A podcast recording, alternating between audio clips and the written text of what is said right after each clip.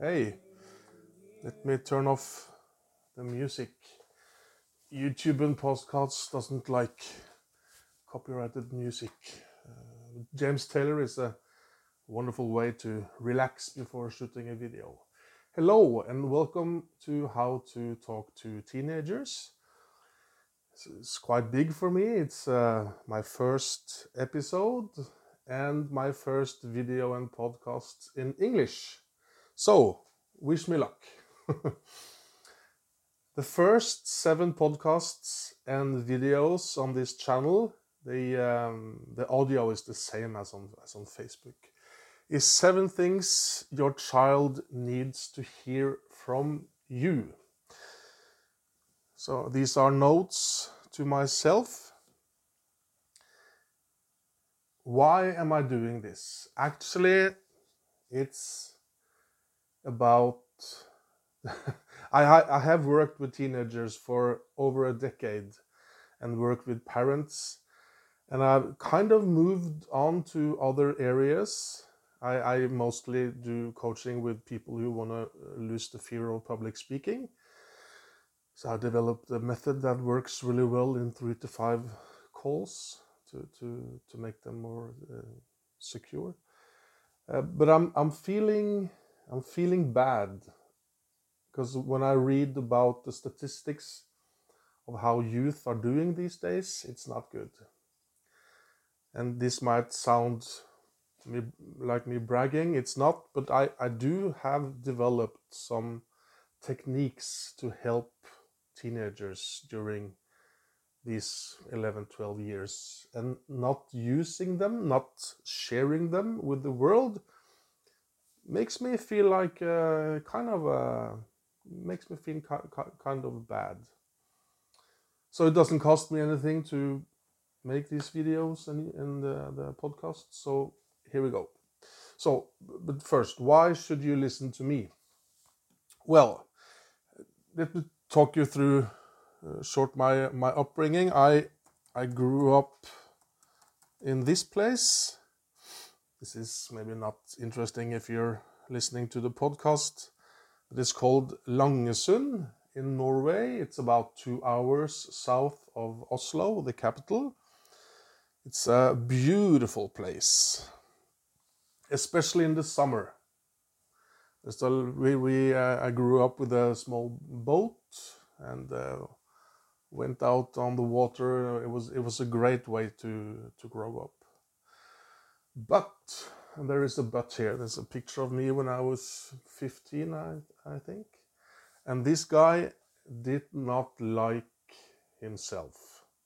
Even though I had this great upbringing, I had great parents, I had a great sister, I had friends, I wasn't bullied, so everything was fine. But there is a but.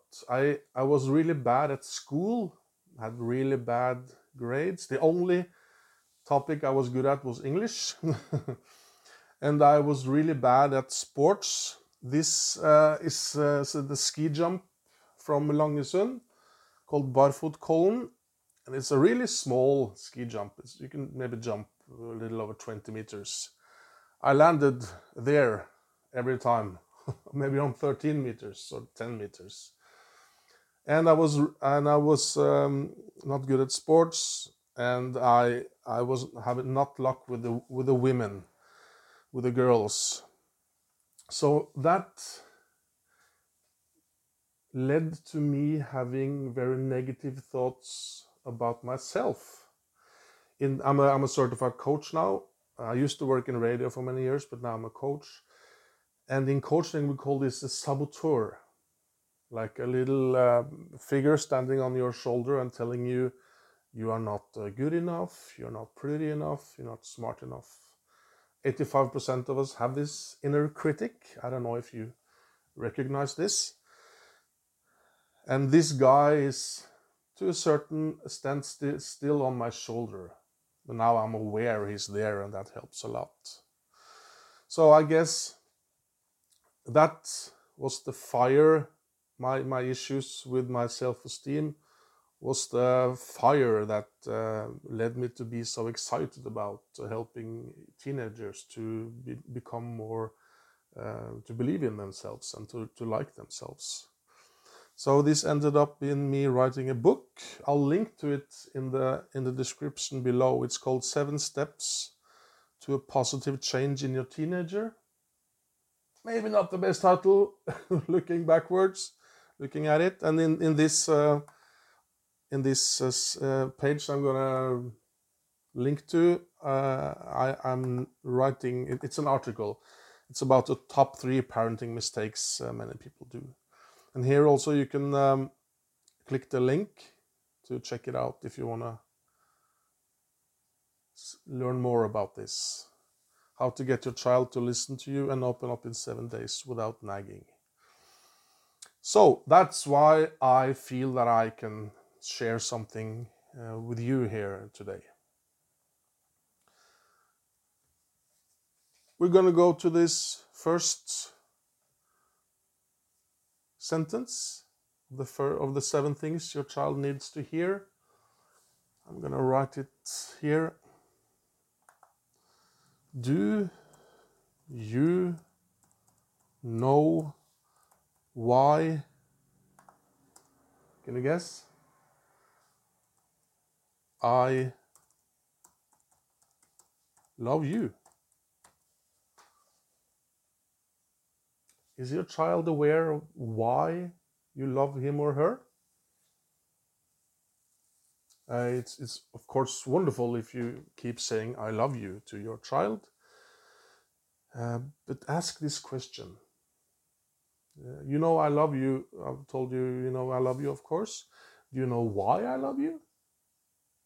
Mm, and the answer will maybe be no, I don't know why. And this is important because the generation perfection, uh, that's uh, young people now, they, they, there is a wonderful, exciting uh, generation. They seem so much wiser than my generation when we were at that age. It seems like almost they skipped a couple of generations in in development, but they many of them seems to think that they have to be so clever at everything. Good grades, good at sports, everything should be perfect.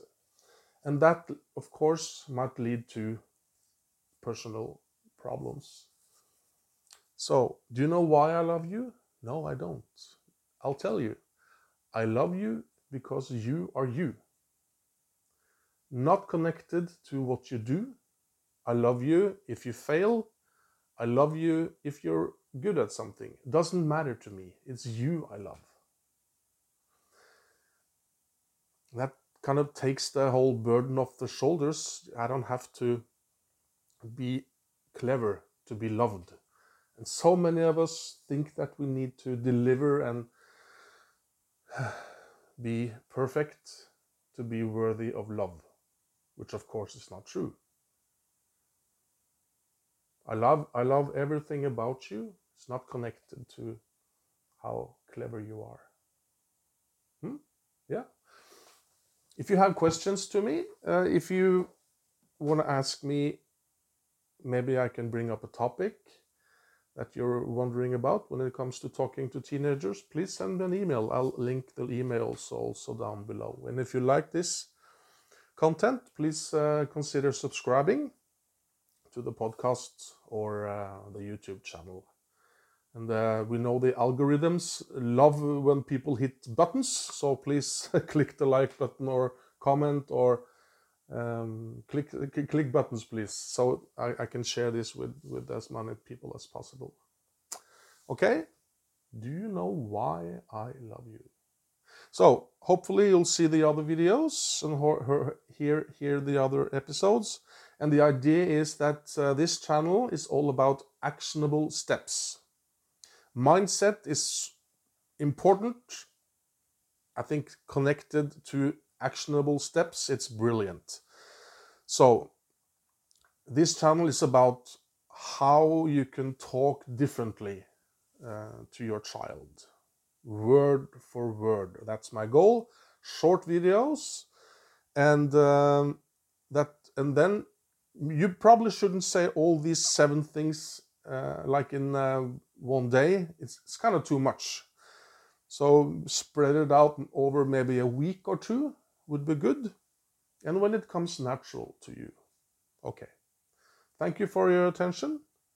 Do you know why i love you